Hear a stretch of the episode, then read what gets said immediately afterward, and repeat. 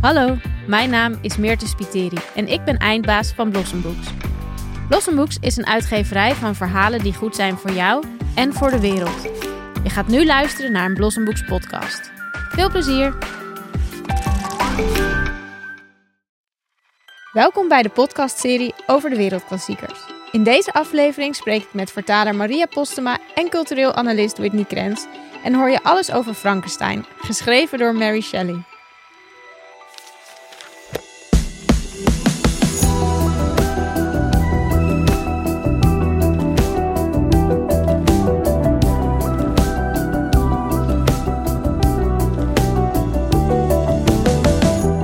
Mary Shelley was een Engelse schrijfster die leefde van 1797 tot 1851. Haar ouders, William Godwin en Mary Wollstonecraft, waren ook schrijvers en haar moeder was daarnaast ook een bekend feminist. Mary Shelley schreef verschillende romans, waaronder The Fortunes of Perkin Warbeck en The Last Man, een boek dat gaat over de vernietiging van de mensheid door een pandemie.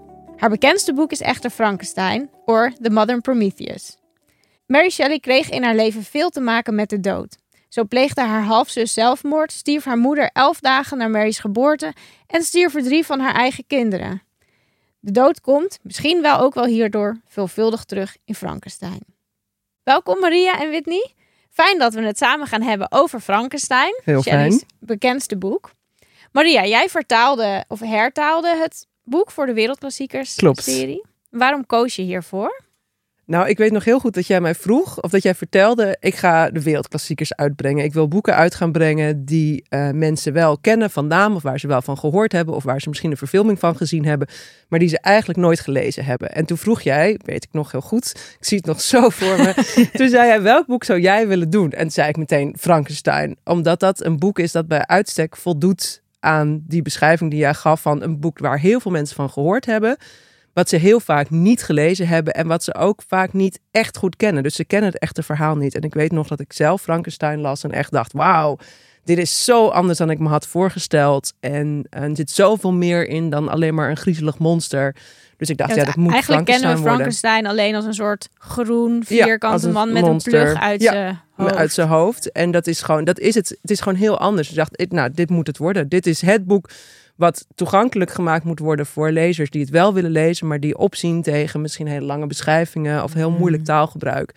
En eh, het is zo'n belangrijk en mooi boek om gelezen te hebben dat ik dacht, ja, kan, kan gewoon niet anders. Het moet gewoon Frankenstein zijn. Er was geen twijfel over mogelijk dat dat het moest worden. En hoe kwam bij jou, dus jij kende het al wel. Hoe Ja. kwam het dat jij daar al zo veel mee had? Ja, ik heb Engels gestudeerd en daar hebben we het behandeld. eh, heel vrij uitgebreid. Whitney, jij misschien eh, ja, ook ja wel? ik heb ook Engels gestudeerd. Dus eh, ja, het was zeker een niet zo heel erg uitgebreid, moet ik eerlijk zeggen.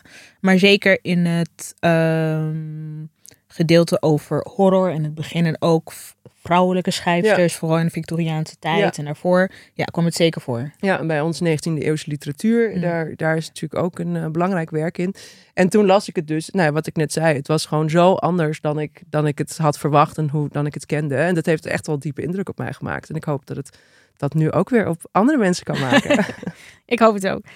Eh, Whitney, jij bent cultureel analist met een achtergrond ook in de Engelse literatuur, zoals je net al zei. En je bent gespecialiseerd in decolonisatie, emancipatie en intersectioneel feminisme. Ja. Nou, er zitten heel veel van die thema's volgens mij ook in Frankenstein, maar ik ben nu benieuwd of je die herkent en waarin je die herkent. Ik denk dat een van de grootste of meest aanwezige thema's in het boek, ehm, dus ook weer op basis van het weer herlezen. Eh, want de eerste keer lezen, dan, dan denk je van oké, je begrijpt de horror. Het is heel standaard in het bekijken van hoe je ehm, kritisch leest of kritisch hoort te lezen op de universiteit. Als je toch studeert, dan weet je van oké, we halen dit eruit, we halen dat eruit. Ehm, en nu ik meer bekend ben met voornamelijk decolonisatie en emancipatie, denk ik echt, zie ik veel meer dekoloniserende ehm, aspecten eh, in Frankenstein. Ehm, er is heel veel koloniale taal in gebruik daarin. Ik denk dat je ook zeker er op een manier eh, zou kunnen kijken. Het is geschreven natuurlijk in de, in de 19e eeuw. En van een Engelse schrijfster. En ja, Engeland en Groot-Brittannië in de 19e eeuw was nou eenmaal gewoon een koloniaal grootmacht. Dus dat zijn allemaal dingen die ehm, ook daarin meegenomen moeten worden. En kun je een voorbeeld, want je zei je ziet het, er wordt veel koloniale taal Ja, gebruikt. Ja, ja. Heb je daar uit je hoofd een voorbeeld ik denk van? voornamelijk het eh, dehumaniserende van het monster van Frankenstein. Tuurlijk, het is een monster. Maar het is ook gewoon het gebruik van ehm, uiteindelijk een lichaam. Dat een mens is geweest. Hè? Een op opzameling van alles. Dus de, ehm, het gebruik ook dat het niet past bij het Europese beeld van wat Hmm. een mens hoort te zijn. Ehm, dat de dokter zichzelf zoiets heeft van, ja, weet je, ik ben verlicht en ik ga naar een, een nieuwe soort van blik van filosofie en van de mensheid en van creatie. Heel erg soort van dat ik wil een god zijn. Hè? Van mens kan ook god zijn, wat heel erg daarin past. En dat is een hele koloniale blik. Dus echt nog het gevoel hebben dat je een mens kan bezitten of maken. Absoluut. Van Ja. het is een bezit. En daardoor kan ik er alles mee doen wat ik wil. En Ja. ik kan het creëren en ik heb er macht over. Dus dan komt het eigenlijk ook weer terug hè, bij dat machtaspect van Ja, kolonisatie. ja. Dus daarin zie ik echt heel veel ehm, van de taal wat eigenlijk daarin ja, weggenomen kan worden. Oké. Ja. Nou, we gaan er zo vast nog dieper op in. Op alle thema's en alles wat er voorbij komt eh, in Frankenstein. Maar we weten eigenlijk nog niet heel goed waar het verhaal over gaat. Kun jij in een paar zinnen, Maria, uitleggen Ja, een paar waar zinnen. Frankenstein over gaat? Ja, ehm, nou, zoals Whitney net al vertelde, het gaat over een jonge ehm, Zwitserse wetenschapper, Victor Frankenstein, die ehm, eigenlijk helemaal in de ban raakt van de nieuwe natuurwetenschappen en van eh, het creëren van leven en elektriciteit. Dat was in die tijd natuurlijk allemaal, kwam, kwam allemaal op. Het was allemaal nieuw. Natuurwetenschappen was echt een soort van, wauw, hier gebeuren dingen. Deze natuurwetten, daar kunnen we dingen mee. En Victor Frankenstein raakt in dat boek daar eigenlijk helemaal mee geobsedeerd. En hij denkt, ik wil een mens maken. Dat is echt het hoogst haalbare. Ik ga een mens maken. Dus hij creëert inderdaad een mens uit lijken en uit dierenonderdelen en eh, allemaal dat soort dingen. En dat, het lukt hem om dat wezen eh, tot leven te brengen. Maar dan schrikt hij eigenlijk zo. Hij vindt het zo'n afstotelijk eng. Hij, hij is er heel erg bang voor dat hij het meteen verstoot. En hij laat het in de steek. En eigenlijk gaat het veel meer dan mensen vaak denken. En dan in de films voorkomt over ook de, de, de inwendige pijn van het wezen en, het, en zijn ziel. En want hij wil er eigenlijk heel graag bij horen. Hij wil aandacht. Hij wil liefde. En omdat hij die niet krijgt, omdat hij verstoten wordt door Victor en later ook door andere mensen in het boek, wordt hij eigenlijk het monster tussen aanhalingstekens zoals we dat kennen. Ehm, maar het gaat dus ook heel erg over ehm, zorgen voor wat je eh, creëert en dat je daar goed voor moet zijn en het niet moet verstoten. Dus Victor wordt niet als een, als een echt per se als een leuke man neergezet. Hij, hij, ehm, ja, hij, m- je ziet wel tussen de regels door dat Mary vindt dat hij eigenlijk voor dat wezen moet zorgen. En dan is het ook nog zo iets wat in die tijd gebruikelijk was, of gebruikelijker, om een, is het een briefroman. Dus het wordt verteld in verschillende brieven. En dat is, daar moet je soms even aan wennen. Dus het hele verhaal wordt eigenlijk verteld, niet schrikken door een Poolreiziger. Die is in de Noordelijke IJszee. Die schrijft brieven naar zijn zus. En op een gegeven moment komen er langs het schip komen twee slees, sleeën voorbij. Op de eerste zit het monster, dat gaat voorbij. En op de tweede zit Victor Frankenstein. Victor Frankenstein klimt aan boord, vertelt zijn verhaal aan die Poolreiziger. En in dat verhaal zit ook weer het verhaal van het wezen die zijn eigen verhaal aan Victor heeft verteld ergens halverwege het boek. Dus het zijn allerlei verhalen ineens, een raamvertelling. En uiteindelijk is het één grote brief van Robert Walton, de Poolreiziger, aan zijn zus Margaret. Klinkt allemaal heel ingewikkeld, maar volgens niet? mij kunnen we allemaal bevestigen dat dat niet zo is. En zeker niet in jouw eh, hertaling en bewerking. We gaan zo luisteren naar een fragment uit het boek. ehm, bewerkt en vertaald door Maria. En die wordt voorgelezen door Yannick Jozefzoon. We gaan luisteren naar het moment eh, waarop wordt beschreven dat dokter Frankenstein het lukt om zijn zelfgemaakte wezen tot leven te wekken. Het is goed om te weten dat veel mensen denken dat Frankenstein dus de naam van het monster is. Maar zoals ook al in jouw beschrijving eh, naar voren kwam, dat is de naam van de dokter die het wezen heeft gemaakt. En bovendien ziet het wezen er ook anders uit dan wij hem kennen uit alle animatie- en eh, tekenfilms. En daar gaan we nu even naar luisteren. En toen, op een sombere novembernacht, zag ik eindelijk het resultaat van mijn harde werken.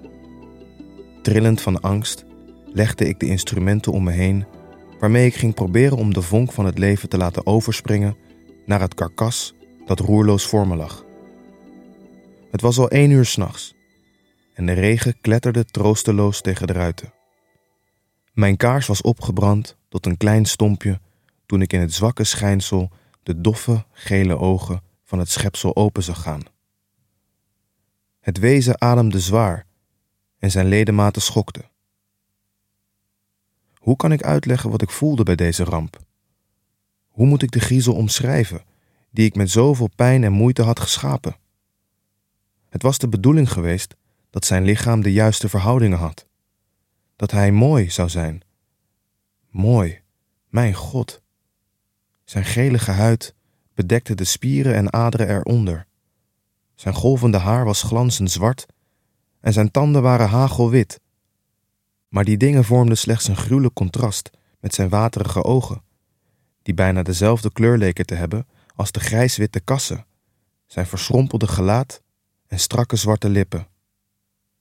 Twee jaar lang had ik keihard gewerkt om een zieloos lichaam tot leven te wekken. Ik had mezelf uitgeput en mijn gezondheid verwaarloosd, omdat ik koste wat kost mijn doel wilde bereiken. Maar nu het gelukt was, vervloog mijn droom en werd ik overspoeld door ademloze afschuw en walging. Ik kon het wezen dat ik had voortgebracht niet langer aanzien en rende mijn werkkamer uit. Maar in mijn kamer kon ik de slaap niet vatten en bleef ik getergd heen en weer lopen. Uiteindelijk werd de vermoeidheid me te veel en liet ik me volledig aangekleed op bed vallen, in de hoop dat ik heel even in onwetendheid kon wegzakken. Te vergeefs. Ik sliep wel, maar werd geplaagd door akelige visioenen. Ik dacht dat ik Elisabeth, blakend van gezondheid, door Ingolstad zag lopen.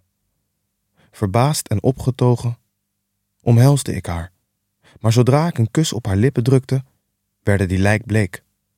Haar gezicht veranderde en ineens hield ik het levenloze lichaam van mijn moeder in mijn armen. Ze was gehuld in een doodskleed. En in de plooien van de doek zag ik maden krioelen.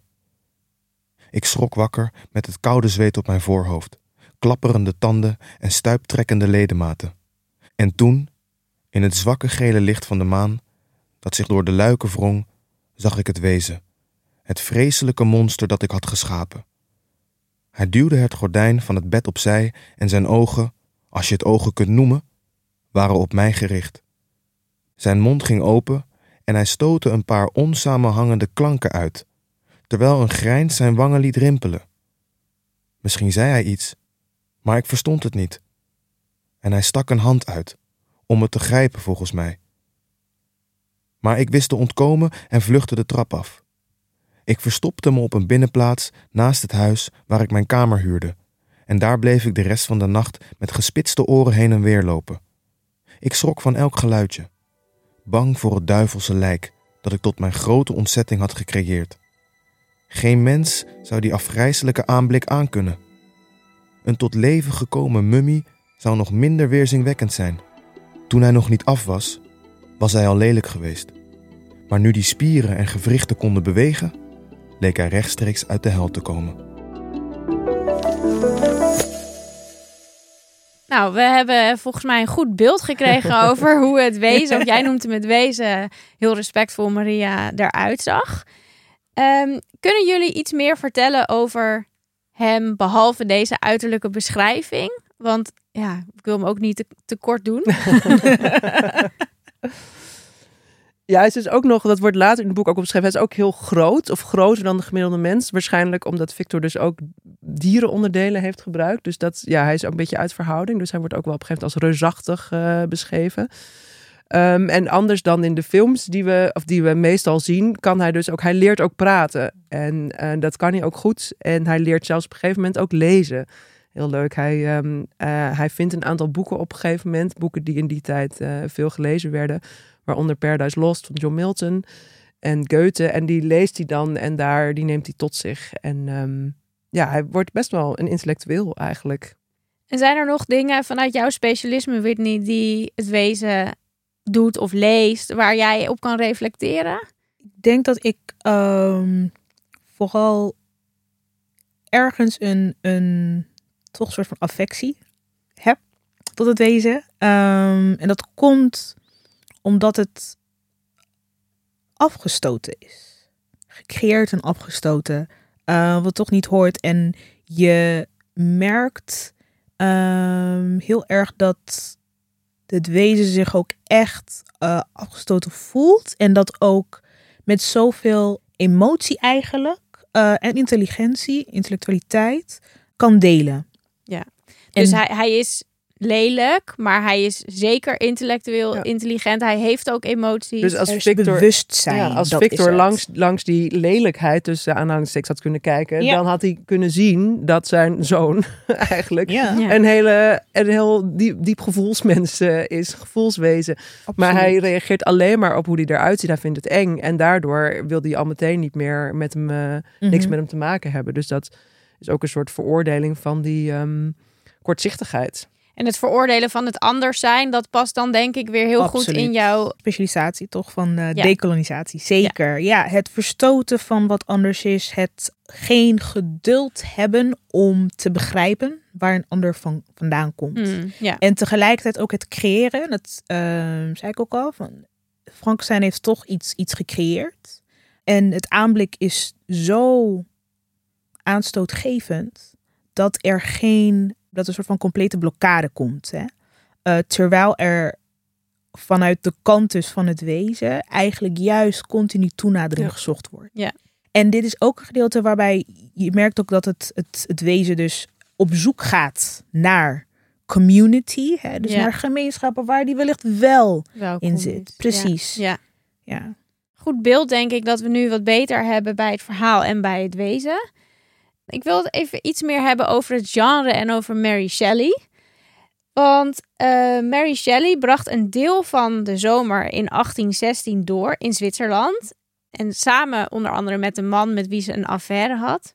Ja, met wie ze Shelley. dus ze had toen ook al een kind met hem. Hè. Ze ging later dat jaar met hem trouwen. Trouwen, ja. Ja. Oké, goede toevoeging. En daar ontmoetten ze ook eh, de Eng- bekende Engelse dichter Lord Byron. En op een avond stelde hij voor dat alle aanwezigen, eh, namen, naast Shelley alleen maar mannen, een spookverhaal zouden schrijven.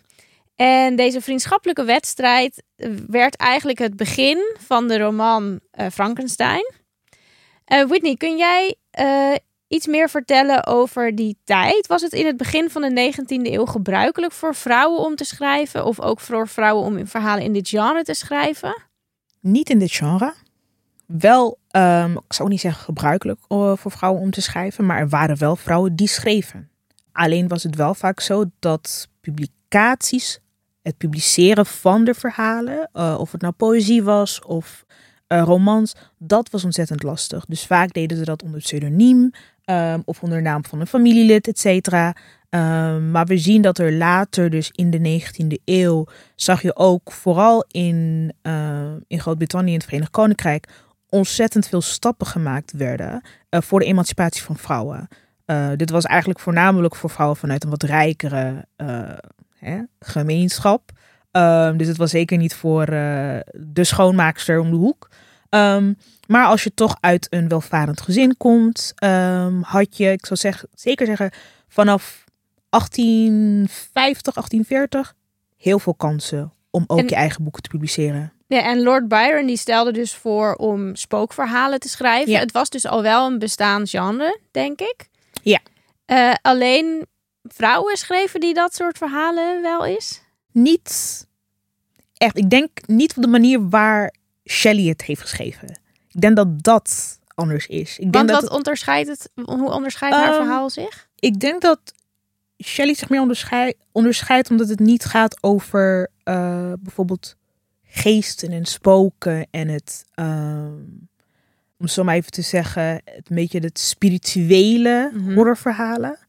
Ehm, en je ziet dat zij meer echt weet van, oh, dit is iets wat wellicht kan gebeuren. Ze maakt het heel realistisch, heel soort van vatbaar voor heel veel mensen. Ja. En vooral voor mensen die het echt zouden kunnen lezen. Zij weten van natuurwetenschappen, ze weten van dat is dan eens van, oh wacht, er is dus een kans dat dit ook echt gebeurde. En dat maakt het stukken realistischer en ook stukken enger. En dat is echt die horrorverhaal die zij eigenlijk, of het horrorgenre, ehm, waarvan ik vind dat zij gewoon tot leven heeft gewekt. Ja. Ja, we zouden misschien, ja, we zouden misschien nog steeds kunnen denken eh, van dit zou nog kunnen Ja. gebeuren ooit. Ja. En het, is, het was een heel vruchtbare schrijfwedstrijd, want er was ook een dokter, dokter Polidori, was ook aanwezig in dat huis. En die heeft naar men denkt, zegt het eerste vampierverhaal geschreven. Ja. Dat heet ook The Oh. Vampire met een Y. Ja. Dus het is echt heel bijzonder. Dat, dat, is, dat heeft niet zoveel... eh, dat heeft de tand destijds wat minder goed doorstaan. Maar het is wel bijzonder dat er tijdens dat, die zomer...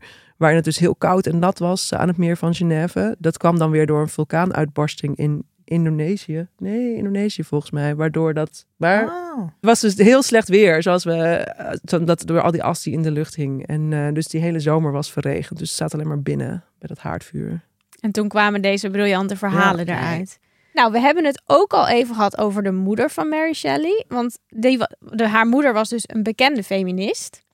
En zij schreef onder andere A Vindication of the Rights of Women, waarin ze stelt dat vrouwen niet minder zijn dan mannen.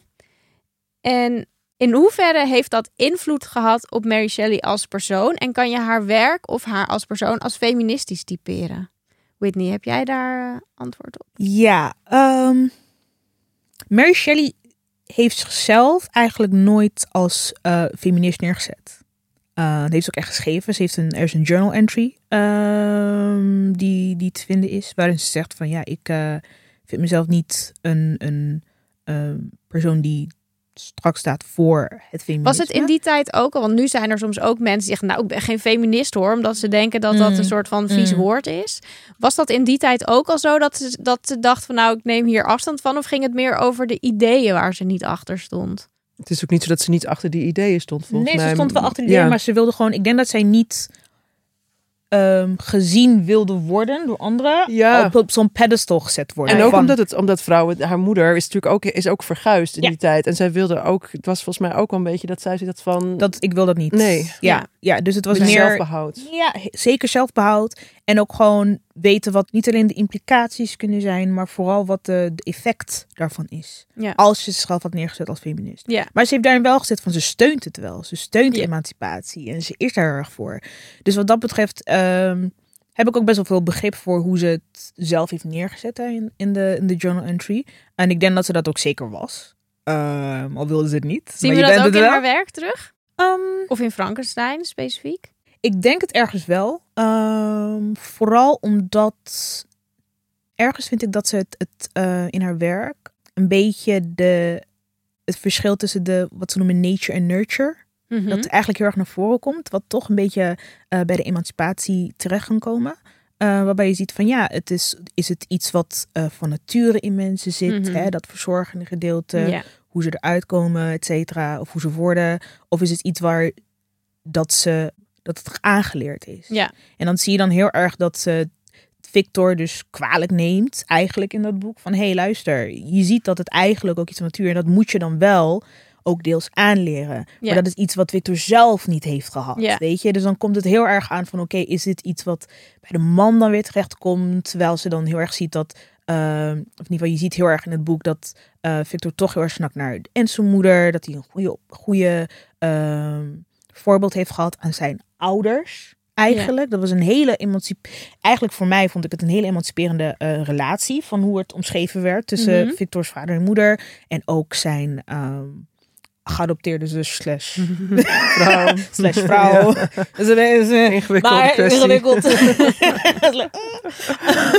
maar ja, dan zie je toch wel dat er heel veel onderdelen van de emancipatie erin komen. En ook wel een beetje van het eh strakke feministische. Ehm, ze wilde het niet heel blatant, hè? dus heel erg soort van eh, in your face zetten. Maar het is er wel. Als, je kan het eruit lezen. Je Ja, dat, Maria, dat zei jij Ja. ook al tussen de regels door. Kan je Ja. eigenlijk best Ja. lezen dat Shelley vond, hallo Victor. eh, Ja, ook. En er zit nog een vrouwelijk personage in dat eigenlijk en passant een beetje voorbij komt in het leven van het monster. Daar vertelt hij ook over. Mm. En die komt naar die, daar, daar zegt dan, die wordt omschreven als een vrouw die heel sterk opgevoed is door haar moeder en die echt naar eh, Europa komt omdat ze zich wil ontwikkelen en wil lezen. Dus je merkt daar ook weer tussen de regels door in mijn optiek dat, dat Mary dat ja, heel erg toejuichte. En Ja. vond dat vrouwen, zij is zelf ook heel vrijzinnig opgevoed. Mhm. Wat wil je met zo'n moeder? Die is helaas Ja. natuurlijk snel overleden, maar ook haar Mhm. vader heel politiek bewust.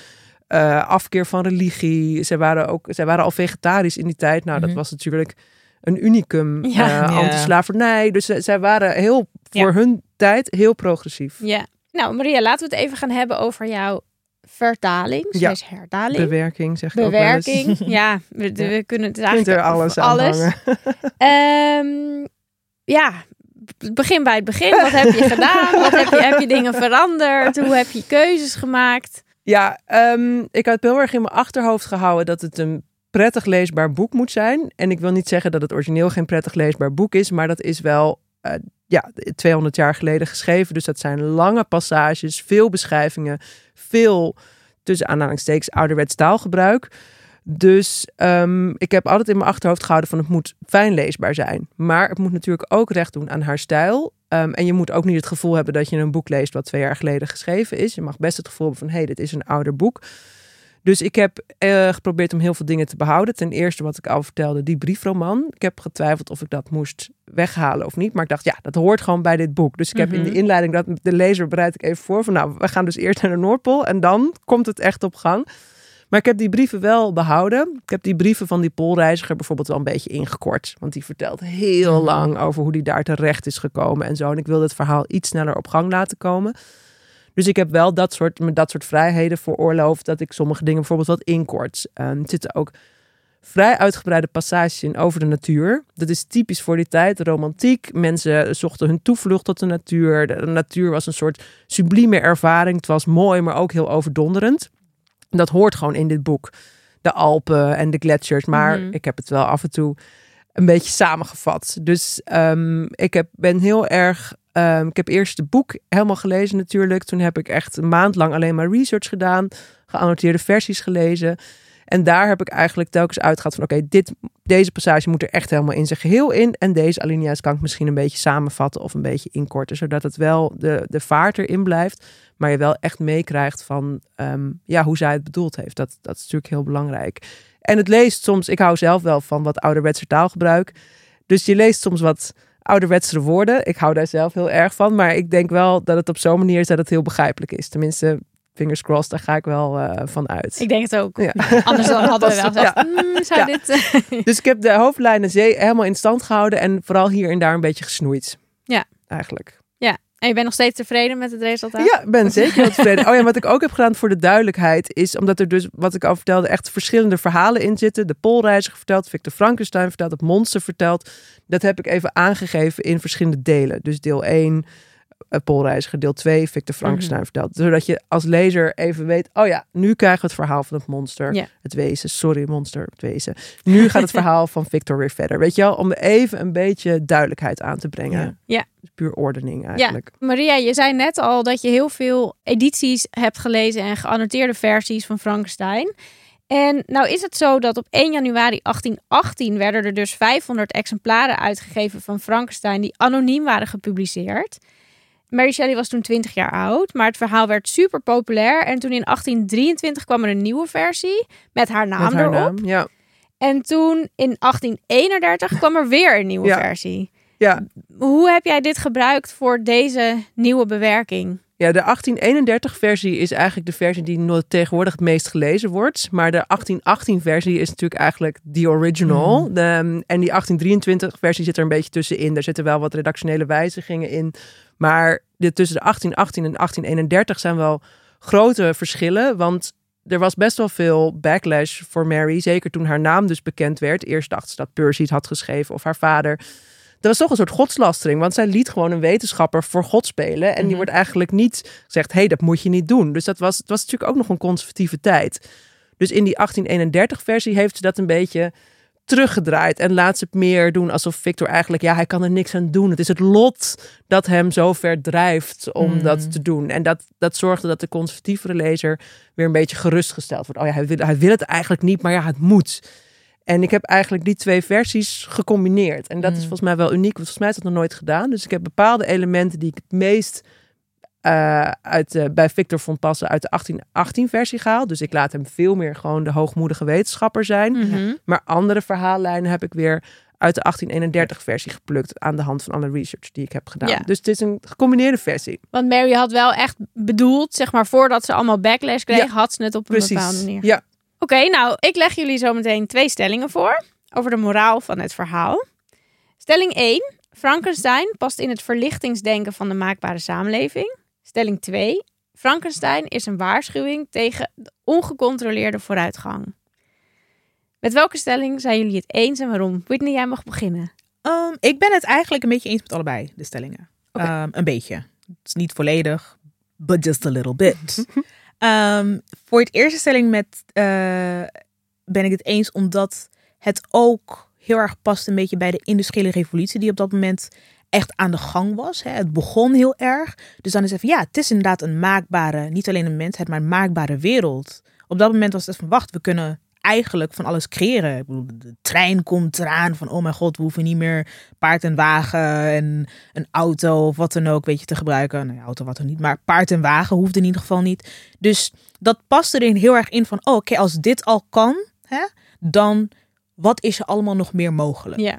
Tegelijkertijd ben ik het ook wel een beetje eens met, oh, we moeten oppassen met wat we creëren. En het is heel goed dat er staat van ongecontroleerd, want dat is waar. Um, maar tegelijkertijd ook, het ligt deels aan intentie en ook deels aan welke maatregelen je neemt, Ja. lijkt mij. Dus een beetje eens met allebei, een beetje oneens. Oké. Maria?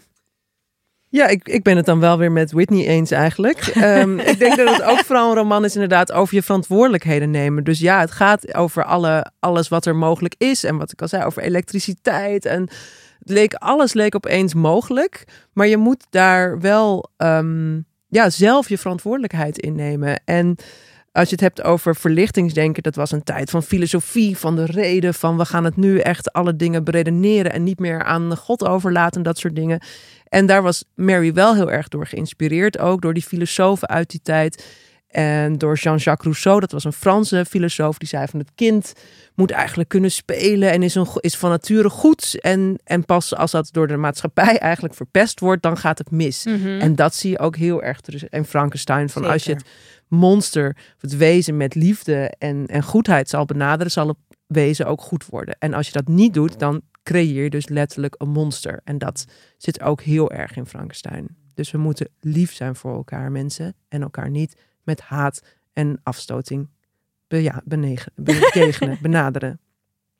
Dat, Ja, dat mooi gesproken. Ja. Dan nu denk ik eh, de hamvraag.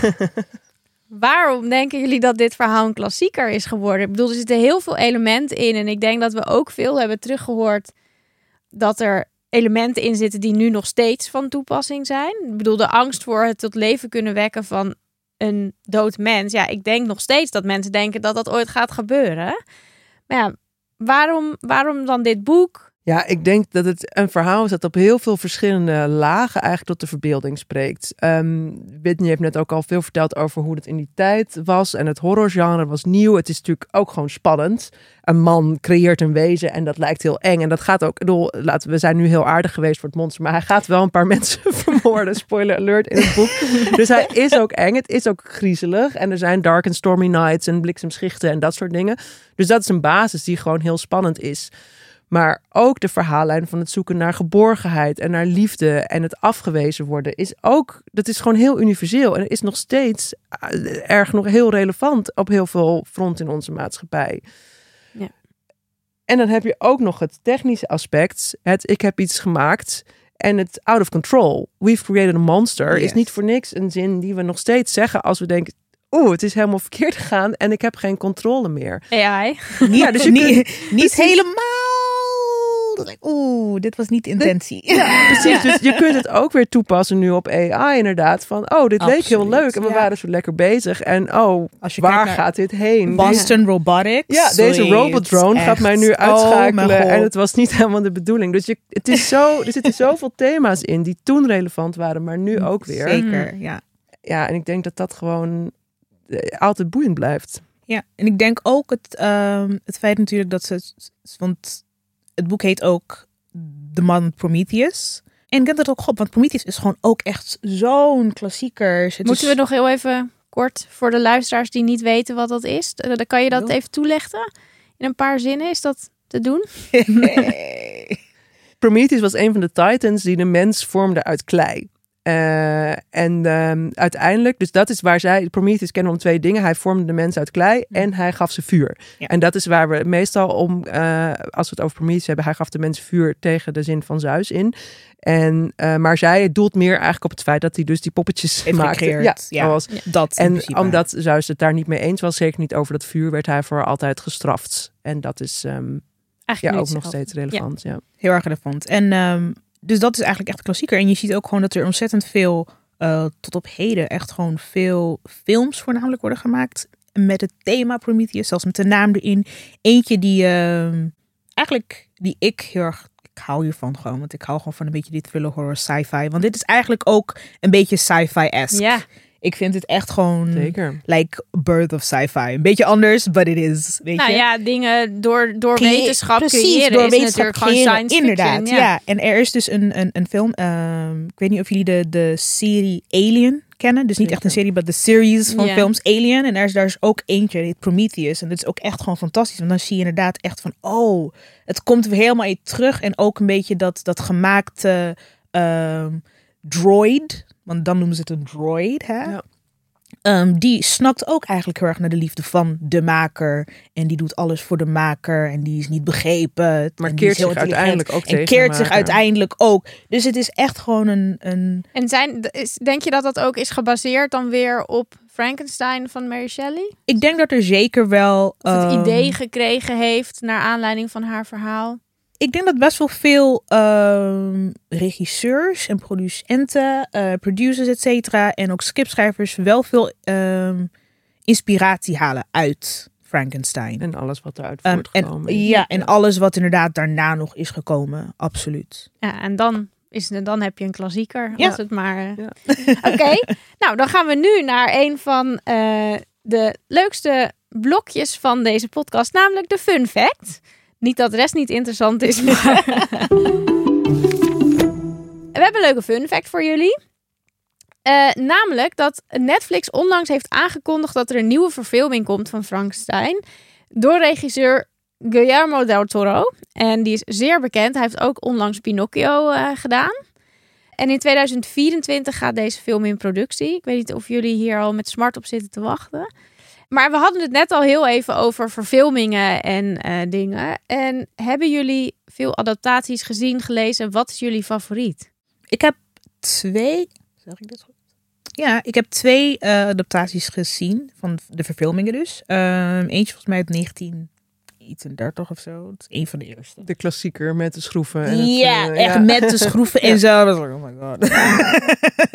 Ehm, en natuurlijk ook gewoon, ja, dat is, het is heel lastig om daar met een, ehm, vooral met film vind ik het heel erg lastig om te kijken met de huidige lens die ik heb. Ja. Ehm, dus dat vond ik lastig, die vond ik niet zo.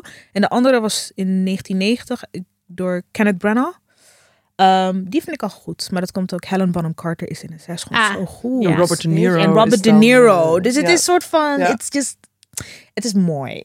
Het is maar een hele als, als ik mooie. het zo hoor, dan is het dus hoog tijd voor een hele vette nieuwe verfilming. Ja, er schijnt, ik, ik, ga, ik, zou, ik ging het even opzoeken laatst. Het schijnt in 2015 ook nog een verfilming geweest zijn met Daniel Radcliffe onder andere. Nou, die is echt totaal aan me voorbij gegaan. Oh, het schijnt niet ook. zo goed geweest. Oh. te zijn. Ik ben heel benieuwd naar die Del Toro versie. Ik ook. Eh, ik vind zelf ook Frankenweenie van Tim Burton heel leuk. leuk. Dat gaat over Ja. een jongetje dat zijn hondje Victor, dat, en die gaat zijn hondje Sparky weer tot leven brengen. Een soort Pet Oh, Cemetery meets heel maar wordt hij dan Frankenstein. ook slecht en kwaadaardig, dat hondje? Nee, er komen allemaal nog veel meer monsters. Dus hij heeft het wel dat hij het niet onder controle houdt. Maar dat is wel eh, die is heel leuk. En wat wel trouwens leuk is over die eerste Frankenstein-films, dus Frankenstein en Bride of Frankenstein, die Mhm. zijn geregisseerd door James Whale.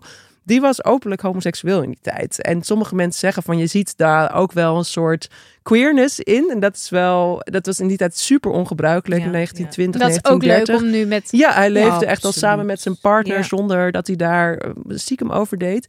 Er is ook nog weer een hele tof film over hem gemaakt. Gods and Monsters met Ian McKellen als James Whale. Nou, dan sluit ik af met nog even een spooky fun fact. Eh, Percy Shelley, de man van Mary Shelley, die verdronk op 29-jarige leeftijd. En hij werd gecremeerd, maar zijn hart wilde maar niet branden. En later, eh, na de dood van Mary, werd zijn hart, het hart van Percy, teruggevonden in haar bureaula. Helemaal ingepakt in zijn eigen gedichten. Nou, als dat geen liefde is. Hardcore. Hardcore. Hardcore. Hardcore. Volgens mij, als je het boek nog niet gelezen hebt, dan zou ik je aanraden eerst de werking van Maria van Frankenstein te lezen. Daarna zijn er dus nog heel veel eh, films die je kan kijken. En dan ook nog eens de boeken van de moeder van Ja. eh, Mary Shelley. Eh, dus genoeg te doen. Ehm, Bedank ik jullie voor jullie komst. Graag gedaan. Eh, heel erg eh, leuk dat jullie in de podcast aanwezig waren. En eh, Leuk dat we ons zijn. Dankjewel. Oh, en voor de musical lovers, Ro- Rocky Horror Rocky Picture. Show. Oh, ja. Je luisterde naar een Blossom Books podcast, gemaakt in samenwerking met Spraakmaker Media en onder redactie van Moshe Veli. Deze podcast is mede mogelijk gemaakt door subsidie van Stichting Wij Eisen Kinderboeken. Wil je meer weten over wat wij doen? Neem dan een kijkje op www.blossombooks.nl.